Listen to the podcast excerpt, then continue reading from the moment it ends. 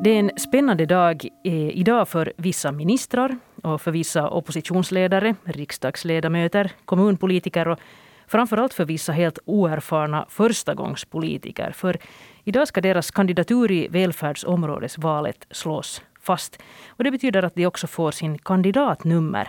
Och det blir lite lättare att börja marknadsföra sig själv som kandidat i välfärdsområdesvalet den 23 januari Samtidigt pågår redan nu ett febrilt arbete i välfärdsområdenas kulisser. Utan att vi har någon egentlig insyn alls så byggs mäktiga vårdapparater upp i de blivande välfärdsområdena. Och de som är involverade i det här jobbet det är professionella sjukhusadministratörer och också högre tjänstemän från kommunerna. De har mycket skyndsamt, för om bara två månader så ska de kunna presentera någon form av plan på hur de nya vårdområdena ska byggas upp och fungera. Den första mars gör nämligen de politiker som vi väljer i januari, då gör de entré. Och de får makten att fatta beslut i välfärdsområdenas högsta beslutande organ, fullmäktige. Men eh, samtidigt är det också så att lagstiftningen och staten sätter tydliga gränser för vad som är möjligt och vad som inte är det. Och som långt bestämmer hur vården ska se ut. Så frågan är varför behöver vården egentligen politiker och varför behöver vi överhuvudtaget ett välfärdsområdesval? Bland annat det här ska vi fundera på idag här i Slaget efter tolv. Jag heter Maria Nylund och med mig här i Åbostudion har jag kommunexpert Siv Sandberg. Välkommen. Tack så mycket. Och med oss på distans så har vi också läkaren Robert Bergholm. Välkommen du också. Tack. Trevligt att vara med. Siv Sandberg, till eh, allra först den här omikron varianten. Den ställer till det för oss rejält just nu. Det där, kommer vi alltså att ha ett välfärdsområdesval den 23 januari? Vad tror du? Regeringen har inte sagt någonting som skulle tyda på att valet skjuts upp. Och det här på den presskonferens som, som hölls här den 22 december så diskuterades valet inte alls. Så I det här skedet får vi räkna med att valet hålls som planerat om en månad. Mm. No, I egentliga Finland så är alla former av offentliga tillställningar förbjudna fram till årsskiftet. En hurdan valkampanj hinner politikerna föra före valet, tror du? Det är en mycket utmanande tidpunkt för en valkampanj med eller utan corona, när det är julhelger. Det är ett helt nytt val. Så det här, mycket av kampanjerna har ju flyttat över till, till den här webben. Men när det är ett helt nytt val så finns det många frågor. Så den här möjligheten att möta människor på gator och torg är ganska begränsad. Kampanjtiden är kort. Men jag tror säkert att partierna har planerat olika alternativ för kampanjerna och försöker göra det bästa av situationen. Mm. Hur är det inom läkarkretsarna, Robert Bergholm? Hur, hur tänker ni inför det här faktumet att, att hela social och hälsovårdssektorn nu ska organiseras om helt och hållet? Är ni liksom nervösa eller ivriga eller hur, hur känns det? No, jag tror att de flesta läkarna eh, har inte riktigt haft tid att tänka på det här så mycket på grund av coronan. Man har haft fullt upp med att organisera vården, helt den dagliga, dagliga verksamheten. Um, det, det, är intressant att först nu de senaste veckorna så har det börjat uh, liksom, komma mera information också i läkartidningarna och läkarforum forum och annat. Att det, att det eh, överraskande liksom lite information har det varit hittills och bra att vi diskuterar nu, men det här valet kommer nog jättefort och, och det ska bli spännande att se. Jag har en sån känsla att, att det här valet kommer och sen först börjar man fundera att, att vad, vad, vad innebär hela den här förändringen? Att, att, att hemskt där i, på ett sätt i dimma upplever jag också att läkarkåren går, att vad kommer det att hämta med sig? Mm, men lite diskussioner säger du att har startat i läkartidningar och annat. Vad, vad är det man diskuterar inom så här läkarkretsar? No, där är, um, dels kan det vara alldeles på sånt allmänt att vad, vad, blir läkarnas roll till exempel i de här uh, i, i de här olika organen. Att, vilken roll får den och, vad, hur mycket får politikerna och annat. Att det, att ganska så där, och det är ganska vagt, inte kan de riktigt svara där heller att hur, hur det kommer att se ut.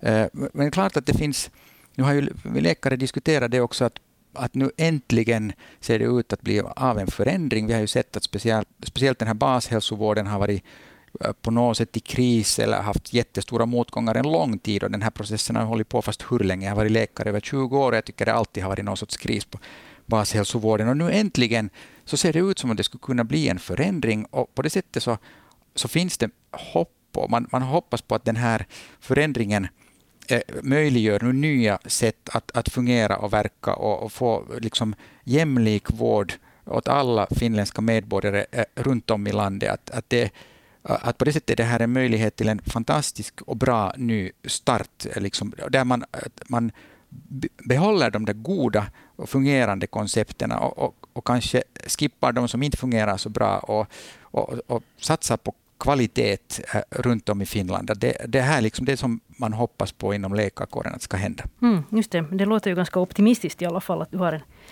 du har stora förhoppningar i alla fall på att det ska bli bättre faktiskt. det, här, det, det vi hoppas på, det är klart, vi, nu, är vi, nu måste man ju medge att nu, nu är de flesta läkarna och inom vårdsektorn ganska skeptiska. Det har varit så mycket motgångar och, och, och ofta tyvärr är det så att, att det, det, det talas eh, så där varmt om förändringar och saker och det kanske tillsätts arbetsgrupper och görs eh, forskningsprojekt och så är de igång ett eller två år och så konstaterar man att hej, det här fungerar ju och vad händer sen? Och sen händer egentligen ingenting utan då läggs projektet ner och så fortsätter allt som tidigare. Att, att om vi är helt ärliga så, så nu är det ju en lång väg innan vi är är där, att allt fungerar. Men det här är en unik chans, för nu blir det betydligt bredare axlar. Istället för 300 kommuner, eller vad de nu är, så finns det nu det, eh, några tiotal välfärdsområden, betydligt bredare axlar. Och det jag hoppas att man, att man tittar på kvalitetsindikatorer, eh, samlar upp dem, tar upp bra fungerande koncept och kopierar dem runt om i landet. Att är, det sen, är det sen närvård eller är det distansvård? Att är, det, är det eh, kommunalt eller privat eller tredje sektorn? Eh, tycker jag för min del spelar ingen roll, för jag har sett att alla kan i bästa fall fungera utmärkt. Men eh, man kan också misslyckas, så att, att det lönar sig att ta de bästa bitarna och använda sig av dem. Mm, just det. Men som du sa så kommer det här väldigt snabbt på. Det är alltså bara drygt fyra veckor eh, kvar till, till det här välfärdsområdesvalet. Och, och och som du också var inne på här Robert, så, så, så är vårt land nu då indelat i 21, 21 välfärdsområden. Och i, i varje välfärdsområde så ska det nu då väljas mellan 60 och 80 politiker. Och, och, det där, och bildas sen då det nya välfärdsområdets fullmäktigeförsamling. Hur, hur, stort det här fullmäktige är så beror sen då på välfärdsområdets storlek. Och den första mars ska alltså det här, de här politikerna börja sitt jobb sen då Eh, ett argument som man ofta hör eh, för varför man nu som väljare borde engagera sig i det här kommande valet är att det är nu som grunden till de olika välfärdsområdena ska, ska läggas. Och att, att det därför är så jätteviktigt att vi går och röstar. Jag undrar nu, Siv Sandberg, vad betyder det helt konkret det här nu när man säger att grunden läggs? För det första så är det ju helt förståeligt att, att det inte är så lätt för en vanlig medborgare eller ens för en läkare att få en bild av hur de nya välfärdsområdena kommer att fungera. Så det, här, det tycker jag inte någon ska ta någon stress över. Det här välfärdsområdesvalet och den här reformen så är det första steget på en process som kommer att ta lång tid och kommer att ta, ta flera år i anspråk. Men på det sättet är valet viktigt för att de fullmäktige som väljs nu så fattar en del grundläggande beslut om hur organisationen ska se ut, hur servicenätet ska byggas upp och på vilka grunder invånarna i välfärdsområdena ska, ska få service. Det här kommer förstås att utvecklas över tid, men vi vet att framförallt när det gäller organisatoriska beslut så är de som skriver det första pappret för det mesta ganska inflytelserika. Och därför så har de fullmäktigeförsamlingar som nu träder till i mars efter valet det här mandat att fatta de politiska beslut som behövs för att de här nya välfärdsområdena sen ska fungera från 1 2023. Ge, ge något konkret exempel på det här som du sa. Att, vad, vad sa du, servicenätverk? Och... No, servicenätverket till exempel är att, att ska det finnas vårdcentraler i alla kommuner runt om i det här området eller ska man koncentrera dem till färre platser eller ska man helt bortse från kommungränserna och placerat tjänsteproduktionen där folk rör sig, till exempel nära stora köpcenter. Och sen också sånt helt praktiskt att på vilka grunder får man färdtjänst. Och här har olika kommuner olika typer av, av praxis och sen måste det här välfärdsområdet bestämma att det här med vilka, vilka kriterier ska, ska i alla invånare som bor i samma välfärdsområde få de här tjänsterna, om det sen är plats på äldreboende eller, eller det här rätt till färdtjänst. Sen en tredje sak som kommer att vara oerhört viktig här i, i det här inledande skedet är ju att all personal inom vården övergår från kommunerna och från sjukvårdsdistrikten till det här nya välfärdsområdets tjänst. i många regioner kommer välfärdsområdet att vara den största eller en av de största enskilda arbetsgivarna i regionen. Så också den här personalpolitiska sidan av den här reformen har stor betydelse för både för de som är anställda men också för de som är beroende av de här tjänsterna som, som ges inom, inom äldreomsorgen, inom socialvården och inom sjukhus och, och vårdcentraler. Och vi ska komma ihåg att trots att, att Robert här är, med sitt läkarperspektiv så är ju de största delarna av tjänsterna som välfärdsområdena kommer att erbjuda så handlar ju framförallt om, om omsorg, alltså äldreomsorg och omsorg för personer med funktionsnedsättning. Och de yrkesgrupperna är stora och de människor som behöver den servicen är också mycket många. Mm. Det där, de politiker som nu väljs in i det här nya fullmäktige, de, de kommer ju alltså inte att komma till ett helt tomt bord här nu då första mars, utan saker och ting har ju förberetts på förhand och, och det här arbetet görs i sådana här tillfälliga beredningsorgan. På finska kallas de för vateo. Och det har man nu så här på finlandssvenska också använt sig av. Uh, till exempel i egentliga Finland så jobbar man helt febrilt med en jättestram tidtabell för att få fram ett förslag på hur allt samman ska organiseras framöver. Det, det, det är jättelite insyn vi har, tänker jag så här nu som skattebetalare eller allmänhet i det här förberedande arbetet. Det, det är otroligt tyst kring det här. Hur, hur mycket makt utövas i kulisserna just nu, skulle du säga, Siv? Jag vill för det första säga att situationen ser olika ut på olika håll i landet. För att av de här 21 välfärdsområdena så har vissa av 8-9 stycken redan från tidigare de har samordnat sin social och hälsovård regionalt. Och de har hunnit längre, längre i förberedelserna och där är också välfärdsområdena ganska tydliga för invånarna. Ta till exempel Mellersta Österbotten eller, eller norra Karelen, att, att där vet invånarna ganska mycket redan om, om vad det här kommande välfärdsområdet kommer att handla om. I en demokratiskt styrd organisation ska beslut beredas. Och det, det här med att de här tjänstemännen bereder den här kommande organisationen så kommer direkt från lagen. De här temporära beredningsorganen består av, av tjänstemän. Och det står uttryckligen i lagen att de inte ska fatta politiska beslut. Och det betyder att de gör underlag för, för beslut sen när fullmäktige träder till. Men det är otroligt många frågor som ska förberedas. Jag såg en siffra här tidigare i höst från egentliga Finlands temporära beredningsorgan som hade räknat ut att det här, man ska besvara 539 frågor innan man kan sätta igång med det här beslutsfattandet. Och det är så förstås att, att vi vet alla i en demokratiskt och politiskt styrd organisation har, har de som skriver beslutsunderlagen stor makt. Men fullmäktige har ju förstås sen när man träder till möjlighet att ändra på besluten eller be om en ny beredning. Men att det fattas förstås sådana här formativa beslut, framförallt om organisationen, om personalen, om datasystem och andra praktiska åtgärder som, som kommer att vara ganska, ganska långt förberedda sen där, när, när fullmäktige träder till. Och det här just i egentliga Finland där man har otroligt bråttom att komma i mål så, så det här så finns det kanske inte utrymme för att gå så väldigt många varv med den här beredningen sen, utan, utan man får klubba av de beslut som behövs för att helt enkelt få igång det här välfärdsområdet. Mm, ja, men situationen är helt olika i Österbotten till exempel och och egentliga Finland som du redan sa. Det där, du Robert Bergholm, du sa att, att ni som läkare nu inte egentligen har haft så hemskt mycket insyn i, i någonting alls här så här långt och, och, och det där det är först nu som, som det lite har börjat konkretiseras kanske vad, vad, det kan, vad det hela kan handla om. Men du har samtidigt talat om att, att vi nu skulle ha en, ett gyllene momentum att åtgärda saker som inte har fungerat särskilt bra inom vården. Och, och, så, så jag undrar, vad skulle du vilja att politikerna skulle åtgärda? No, det finns några sådana äh, stora äh, problem, äh, speciellt inom bashälsovården.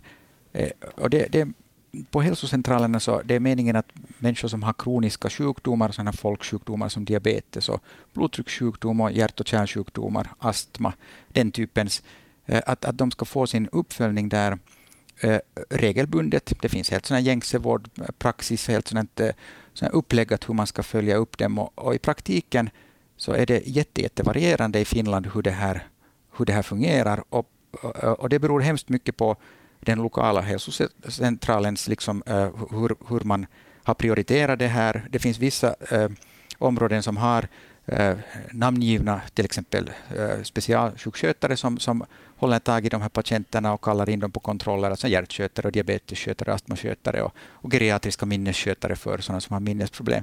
Det fungerar fantastiskt bra och så har de ett läkarstöd. Så finns det kommuner, till och med städer, större städer som inte har alls det här i, i bruk och det betyder att alltså hundratusentals äh, människor är helt utan egentligen uppföljning. Och om man tänker varför borde man följa med kroniska sjukdomar? På lång sikt vet vi utan, utan tvivel att, att äh, Eh, sköta dem väl och få de här riskfaktorerna under kontroll och åtgärdade så vet vi att vi kan minska nya hjärtinfarkter, nya eh, hjärninfarkter. Eh, vi kan minska på uppkomsten av minnessjukdomar, minska sjukhusvård och så vidare. Och så vidare. Framförallt livskvaliteten upplever människan att bli bättre.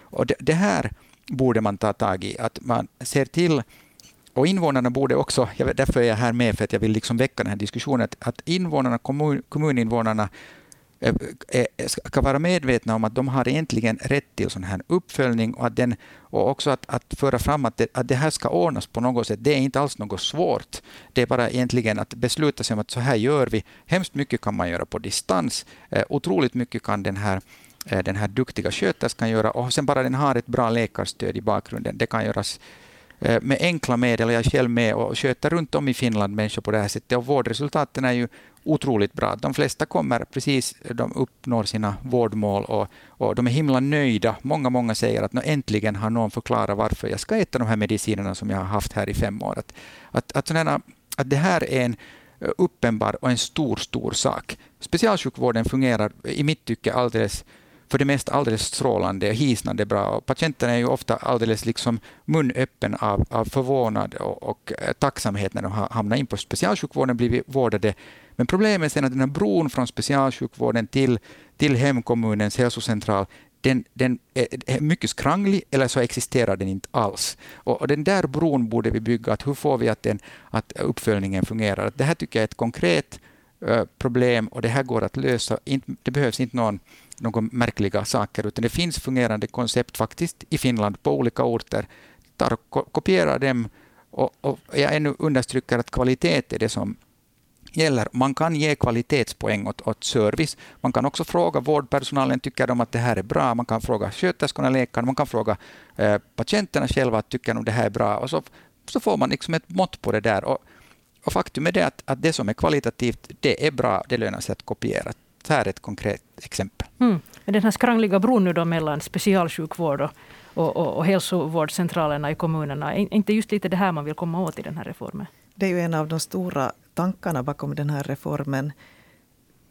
Det som Robert pratar om så är ju ett ganska bra exempel på det man har tänkt med den här reformen, men som också kommer att kräva ett fungerande samspel både mellan de här professionerna inom social och hälsovården, alltså läkare och skötare, mellan tjänstemännen, mellan invånarna och mellan politikerna.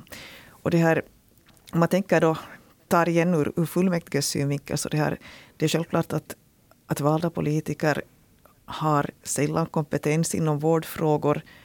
Så att de måste ju kunna få sådana här typer av förslag presenterade för sig på ett sätt som känns rimliga och resonabla utifrån en politikers synvinkel. Och, det här politikernas främsta styrmedel i, i den här välfärdsområdets fullmäktige och i, i det här andra beslutande organ är ju att politikerna har, har hand om pengarna. Och det här, politikerna ska också fastslå en välfärdsområdesstrategi och en servicestrategi där man på ett övergripande plan ska det här bestämma i vilken, vilken riktning man vill gå. Enligt vilka principer ska tjänsterna erbjudas inom det här området. Och här kan ju vara en liksom sån här långsiktig boll som man sätter i, i rullning. Det där att, att man vill ha bättre uppföljning av, av de, här, de stora folksjukdomarna. Att det kunde vara ett, ett inslag till exempel i en kommande servicestrategi. Så att här är den här bryggan sen mellan, mellan politikerna och läkarna. Och det är ju mycket viktigt att den här att, det, att växelverkan fungerar och att, det här, att man förstår varandras språk. Och, och det här, om, om man tänker sig att en läkare ska kommunicera till, till det här till de här politikerna, så de förstås de har ansvar för att befolkningen hålls frisk och så frisk som möjligt, men man har också ansvar för de här, de här kostnaderna. Så det här att, att det här det blir en utmaning att, att hur man kan, kan liksom förstå varandras språk, att man inte bara liksom ger, en, en, ger en budgetram och, och det här och, och, och säger då till verksamheten att håll er till den eller vi kör ner resurser av er, utan, utan att också fånga upp de här goda idéerna om, om hur man kunde få en bättre vård och använda de resurser som finns på ett bättre sätt och göra saker på nya sätt. För att det här är ju precis som Robert var inne på flera gånger, en öppning för att, att komma en bit vidare. Sen blir det i praktiken en ganska stor utmaning. Det kommer inte att hända genast, utan det här är någonting man måste tänka att ska verkställas över ett större antal år. För att i synnerhet i de här regionerna som startar från att, att vården finns hos många kommuner till att man ska bygga upp ett välfärdsområde, så kommer nog realistiskt sett den här första perioden att handla om att få ett tak på de verksamheter som redan finns och sen kan man börja tänka en bit vidare. Men, men det är viktigt med visioner och det är viktigt att ha, att ha en, en riktning i vilket man, man börjar gå sen när, när välfärdsområdet har, har trätt till. Mm, men här skulle kanske då också Eh, just läkarnas uppgift vara att, att helt enkelt också lobba för goda idéer eller sådana visioner man nu då har? Eller vilket skede ska man göra det då? Man... Det är ju en pågående växelverkan och det här, och det här är ju också någonting som är mycket viktigt för att, att det här bygga upp det här just välfärdsområdets det här verk, verksamhet. Och, och, på vissa håll, alltså, en massa frågor ska politiker inte alls blanda sig i. Och det, det, är också viktigt att veta var politikerna det här ska ha en åsikt och var man kan räkna med att, att de anställda professionerna, de som är sakkunniga, gör sitt jobb på ett sätt som är så bra för befolkningen som möjligt. Mm. Vad tycker du, Robert Bergholm, att är politikernas viktigaste roll? Alltså varför behöver vi politiker inom vården? No, nu är det ju de som sitter där och, och ritar upp riktlinjerna och bestämmer om pengarna och resurserna. Och det är viktigt och de representerar ju invånarna och, och, och folket, så det, det, är alldeles rätt. Att, men det är, det, det är sant att en sån här en, en äh, livlig växelverkan i god anda mellan då den här vårdsektorn, och inte bara läkare utan vårdare i allmänhet och också från socialsektorn och i Räddningsverket i det här fallet också, så att, att, att man, man har en, en öppen diskussion om att vad som fungerar, vad som inte fungerar och, och vad som man borde lösa. Att, eh, eh jag, jag, upplever att det finns det är så ofta så på en otroligt flummig sån här hög nivå som här diskuteras. Ingen förstår riktigt att, att hur, hur berör det här mig som individ och som, som invånare. Att, att där hoppas jag att den diskussionen kommer igång. Och själv har jag tänkt att, att det, det, det vill jag gärna vara med om. Att, att berätta ur, ur läkarnas och vårdpersonalens synvinkel hur det här ser ut. Och faktiskt eh, lyfta fram det som fungerar. Det finns fina koncept. Det finns också sånt som är strunt dåligt och man borde snabbt eh, sätta bort det för att, att och ersätta det med, det behöver inte alls vara dyrare, kvalitet behöver inte kosta mera. Eh, och sen en viktig, viktig sak att horisonten borde vara betydligt längre än ett år eller två år.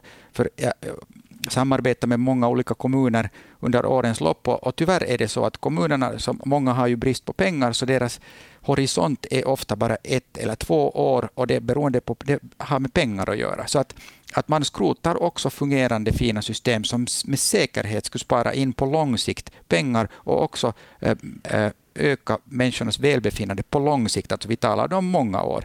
Men att de vågar inte fatta dem för de kan, det syns inte under strecket äh, eh, nästa års liksom budget och, och det där, att sånt, att därför så horisonten borde vara längre. Och den här, jag hoppas den här reformen nu tillåter en, längre, en, en horisont som är längre bort. Vad tror du Siv om, om, om Siv Sandberg om det? Att finns det också, ja, kommer man att hålla i pengarna på samma sätt som de små kommunerna eller kan man se på lite längre sikt och anställa flera diabetesskötare till exempel?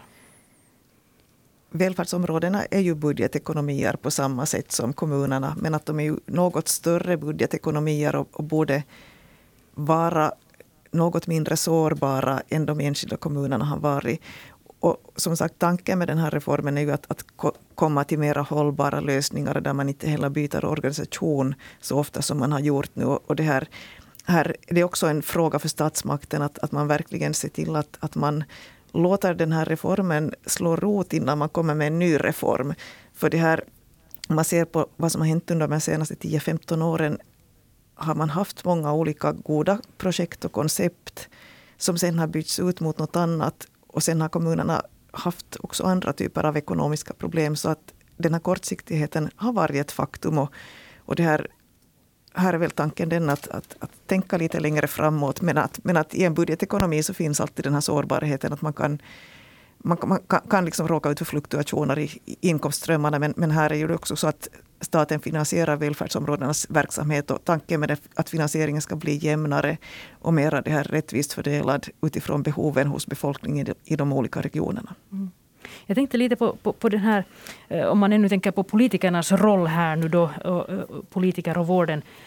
Eh, så, så nu är det ju då kommunerna och specialsjukvården som liksom ska flytta ihop här nu då. Och, och, och, och där finns ganska stor kulturskillnad, upplever åtminstone jag, i hur, man, hur, hur liksom den här demokratiska processen går till och vem som riktigt bestämmer. För, för vi är så här som journalister vana att, att läsa kommunala beredningar i, i olika nämnder eller annat. Och, och, det kan ju vara ganska detaljerade beredningar. Man får reda på bakgrunden och politiker diskuterar detaljer och, och så vidare. Medan jämför man då med den här beredningen som finns inom sjukvårdsdistrikten så är den ofta väldigt kortfattad. Det är ett språk som är väldigt svårt att ta till sig. Och, och, och den här beredningen öppnar egentligen ganska sällan upp ärendet särskilt mycket. Utan det verkar istället väldigt så här tjänstemannastyrt. Det är inte ens meningen att politikerna nu ska blanda sig så hemskt mycket i det här. Jag undrar bara att hurdan kulturkrock kommer det att bli mellan kommunpolitiker eller sådana som är vana att, att vara kommunpolitiker till exempel och sen då beslutsfattande inom sjukvårdsdistrikten. Vad tror du Siv? Nu blir ju alla beslutsfattare direktvalda också i välfärdsområdena på samma sätt som i, i kommunerna. Om man jämför med dagens sjukvårdsdistrikt har de varit indirekt valda och det har ofta varit politiker som under åren har kunnat specialisera sig på de här vårdfrågorna. Så det har varit mera att man driver en verksamhet, man, man har varit mera som en verksamhetsstyrelse. Den lag som styr välfärdsområdena har i stort sett identiska deltagande kanaler, beslutsmekanismer som kommunallagen. Och det är nog en stor utmaning att också göra medborgarna delaktiga, att förklara den här beslutsprocessen för invånarna och att ta de mekanismer i bruk som finns i, i, det här, i lagen om välfärdsområden. Och man, man förutsätter ju till exempel att det ska finnas ungdomsråd och äldreråd och att man försöker göra olika grupper delaktiga. Men, men det gäller också att arbeta med det här språket. Att det inte är så där teknokratiskt och specialiserat som man har kunnat vara i sjukvårdsdistrikten. Mm vems, vems kultur kommer att vinna här? Om man tänker en tredjedel av kakan kommer visst att vara specialsjukvård och två tredjedelar är den här kommunernas gamla verksamhet. Så, det är svårt att säga att, att nu har ju sjukvårdsdistrikten haft en ganska stark position i de här beredningsorganen för att där finns det tjänstemän som har kunnat frigöras till de här ärendena. Men det ser inte likadant ut sen efter valet. Så att det, här, det återstår att se. Där kommer variationerna sannolikt att vara rätt stora mellan olika välfärdsområden. Mm. Vad tror du som läkare, Robert Bergholm, om det här? Tror du att det blir mera politik i, i vården nu och är det en bra eller dålig sak? Jag hoppas att det inte blir mera politik eller att man försöker ta några politiska poänger här eh, och dra hemåt kraftigt. För det är frågan om Eh, finländska medborgarnas välbefinnande och hälsovård. Och, och, och, och vi, vi, vet, alltså om man tittar helt medicinskt på det, så vi vet vilken vård som är, är bra och, och, vart vi ska sträva. Och det, det, det, är liksom vår ledstjärna, att vi går ditåt. Eh, och jag hoppas att, att liksom det, det är det som man har hela tiden i fokus. Att, att sen Eh, jag tittade, som exempel, jag tittade här, de här valmaskinerna och fyllde i de där frågorna som fanns. Och de är ganska så allmänna. Vissa är riktigt bra tankeväckande frågor. Att vart ska man nu sätta pengarna om man hamnar och tar, tar från något annat och, och, och, så vidare. Och kan man tänka sig att, att äh, kan man använda sig av olika, äh, både kommunalt och privat och tredje sektorn och så vidare. Att, och, och då, när man fyller i det här så, så äh, det kanske mest häpnadsväckande var det att de som är som var hemskt av annan åsikt än jag och det är bra att man får gärna vara det. Men vissa var så otroligt skeptiska till allt som har med förändringar att göra. Att det enda som, som gäller för dem är det att det är närservice och att det är allt det som tidigare och kommunerna ska ha, och liksom ha så mycket makt som möjligt. Att det betyder alltså ingen förändring alls. Och, då, då, och, och vi har ju nu hållit på med det här systemet hur länge som helst och det finns kommuner som är i kris. Så att, om, att är det nu en sån kandidat som vi då vill ha, som inte vill ha någon förändring, jag är inte så säker på det. Att när, ni, när jag tänker så här allmänt, att gör de där, fyll i de där valmaskinerna, titta vad de här kandidaterna tycker, för där får vi någon sorts hum om hur de tänker och tycker att att nu är väl förändring en bra sak. Politik, politiker måste vi ju ha, och de bestämmer om pengarna, men inte, inte ska det vara politisk agenda som styr hur, i sista spelet hur vi ska bli omskötta. Det, så, så får det inte vara, då blir det liksom fel väg, mm. tycker jag. Tror du Siv att det, att det kan bli mera politik i, i vården på något sätt i och med det här välfärdsområdena? Eftersom det här, riksdagen har stiftat en sån lag som ger oss ett politiskt, politiskt organ som väljs direkt av folket, så blir det åtminstone mer demokrati. Och, det här, och i, demokrati, i vår demokrati så är det de politiska partierna som, som det här konkurrerar om olika verkligheter. Så på det sättet blir det säkert mera politik. Sen är ju mycket av vården lagstadgad och mycket av det handlar om rättigheter. Det finns mycket små skillnader i hur politiker från olika partier ser på att, att ska vi ha en bra vård och ska folk ha rätt till vård. Det tycker jag, tror jag folk är ganska samstämmiga om. Precis som Robert var inne på så handlar ju de här politiska skiljelinjerna rätt mycket om organisering. Frågan om att ska man ha en decentraliserad vårdorganisation, ska det finnas verksamhet i alla kommuner, är en vattendelare mellan partierna. En annan är synen på det här frågan om offentligt och privat. Att ska, ska det offentliga ha, sköta allt i egen regi eller ska man ta in också producenter från privata sektorn och tredje sektorn. Och här kan vi också se en ideologisk skiljelinje. Och sannolikt är det, kring de frågorna som också fullmäktigeförsamlingarna kommer att dis diskutera och det här, försöka hitta en, en, en lösning sen när man tillträder efter välfärdsområdesvalet. Mm. Är det i ett nötskal just de här två ideologiska liksom, sakerna som, som man där man ser politiken mest. Alltså frågan om privat och offentligt och sen det här eh, decentraliserat eh, hälsostationer i alla kommuner eller centralt i någon tätort. Det är de tydligaste. Sen har vi förstås frågan om resursanvändning. Att det här, hur mycket pengar man lägger på olika verksamheter och här kommer frågan om, om det här löner och, och det här och, och kanske rekrytering av, av personal att också att vara en annan fråga. Men den är mindre tydligt politiskt skiljande än, än de övriga. Mm. Jag skulle ännu hinna, vilja hinna säga några uh, ord om, om språket och vård på svenska. Nu har vi pratat om, om det här att det pågår ett sånt här um, förberedande arbete för att skapa då den här organisationen, organisationsmodeller och hur de här vårdområdena ska byggas upp. Och man ritar upp sådana här lådor och pilar och, och så ska det finnas nämnder som ska fatta beslut i olika typs vårdfrågor. jag, jag undrar hur, hur, hur stor betydelse har det här för, för svenskan? Och finns det liksom någon optimal lösning för att få vård på svenska?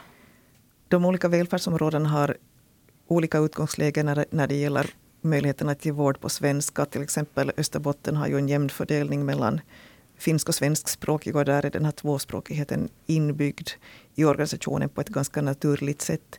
Men om man kommer till Vandakärvo eller till egentliga Finland så är ju de svenskspråkigas andel av hela befolkningen ganska liten. Och då kan det vara kanske lite mer knepigt att få in svenskan i organisationen. När man bygger upp organisationer, och då pratar vi inte om hälsocentraler, utan vi pratar om till exempel nämnder och styrelser och, och där, hur de ska se ut, så, så bygger man, balanserar man alltid mellan olika hänsyn. Man pratar om Liksom en snabb, ska man ha en snabb organisation, då kanske man ger avkall på, på förankring. Eller ska man ha en strömlinjeformad organisation, så, så kanske man måste ta hänsyn till eller kommer, kommer att ta lite mindre hänsyn till olika de här specialintressena, av vilket svenskan är kanske då, då, då ett, ett sådant intresse. Och, det här, och här vet jag att man håller på att balansera just i västra Nyland och, och det här egentliga Finland, där, där då svenskan är en, en minoritet. Att, att hur hittar man en lösning som, som tillfredsställer också rätt, rätten och behovet och också den här särskilda uppdraget att, att se till att, att den svenska servicen fungerar. Mm kort ännu, lagen säger ju att det ska finnas en sån här nationalspråksnämnd i alla tvåspråkiga välfärdsområden. Eh, om man ser på den nämnd som idag fungerar i tvåspråkiga sjukvårdsdistrikt. Eh, en sån här nämnd för också eh, de här två minoritetsspråken. Alltså, så krasst sagt så är den ju ganska maktlös och tandlös. Eh, har den här nya, nya nationalspråksnämnden större maktbefogenheter? For, formellt ska den nya nationalspråksnämnden ha en starkare här position än de nuvarande minoritetsspråksnämnderna. Det avgörande kommer att vara ändå för den nämndens genomslag är hur kommunikationen med styrelsen fungerar och hur kommunikationen med den operativa ledningen fungerar. För att mycket av den vardagliga vården som medborgarna får eller inte får så är ju beroende av beslut som fattas av tjänstemän eller av enskilda sköterskor eller, eller läkare. Så att det här, för att, för att liksom du och jag som bor i, bor i Åbo eller, eller Pargas eller Vanda ska det här det här får våra rätt, rättigheter så behöver också den här framförallt personalrekryteringen, organiseringen fungera. Och, och det här och det är A också för att säga att de här nationalspråksnämnderna har fyllt sin funktion. En sista fråga till dig Robert Bergholm. Vad, vad, vilken är, om du skulle kunna i ett nötskal säga att vilken är den viktigaste förhoppningen du har på, på de här nya välfärdsområdena? Vad skulle det vara som du hoppas att man skulle uppnå? Jag hoppas att, att eh, ledstjärnan är det att vi får en ännu bättre hälsovård. Det finns mycket som fungerar fantastiskt bra och vi, vi kan vara jättestolta över det. Men äh, att ledstjärnan är att vi är på väg mot det bättre och, och tar äh, öppet sinne och tar äh, också i bruk nya nya uh, vårdkanaler. Det där med digitalt är inte alls dåligt. Det finns människor som är himla nöjda med det där och ger bästa möjliga liksom, så här betyg åt dem. Så att med öppet sinne mot, mot bättre vård, det, mm. det tycker jag. Du jobbar själv mycket med digitala liksom, vårdformer, alltså du hjälper folk på distans? Mycket på distans runt om i, i hela Finland, till och med lite över på Sver också till Sverige. Och, och jag, har, jag har varit inom universitetsvärlden, jag, har, jag är specialist i, i, i internmedicin och jobbar mycket samarbete med hälsocentralerna, eh, mycket på privata sidan, också tredje sektorn jag samarbetar med. Så jag har, jag har på det sättet en ganska vid koppling till det här, så jag ser att det finns bra lösningsmodeller. Och, och såna distans eller fjärrmottagning och digitala lösningar är en, en del av det här. Det är inte allt, men en del. Och så vill jag ännu lyfta starkt fram de här otroligt duktiga sjukskötarna och vårdarna som finns, som, eh, som eh, också ska vara en, en viktig, viktig hörnsten i den här vården. Att det, det, och också deras välbefinnande, jätteviktigt att, att i de här välfärdsområdena fråga människor hur de mår, hur de trivs, för det är, det är kärnan i hur vi kommer att lyckas. Kan du Siv i ett nötskal säga och svara på frågan varför vi överhuvudtaget behöver ett sånt här val nu i januari? För att riksdagen har fattat en, stiftat en lag som säger att vi ska ha ett, ett välfärdsområde med direktvalda beslutsfattare. Just det, och nu är det vår uppgift att engagera oss lite grann. Och du sa ju Siv här i början att man behöver inte vara inre medicinare eller medicinedoktor eller hur du nu har sagt åt mig här på förhand för att liksom förstå sig på det här. Utan det är som att gå till ett vanligt val. Du, som medborgare i ett demokratiskt samhälle har du rösträtt. Och det här som medborgare har du rätt att utöva din rösträtt oberoende hur mycket, hur mycket eller lite du, du vet om vad välfärdsområdena kommer att vara. Det kommer inte att vara något kunskapstest i vallokalerna utan du har rösträtt om du har fyllt 18 år, så använd den. Just det. Här avslutar vi dagens Slaget efter 12. Tusen tack till dig, kommunexpert Siv Sandberg från Åbo Akademi. Och tusen tack till dig, Robert Bergholm, som är läkare och bland annat specialist på diabetes. Jag heter Maria Nylund och Slaget efter 12 tar nu en paus över jul och nyår och vi är tillbaka igen den 10 januari med nya diskussioner.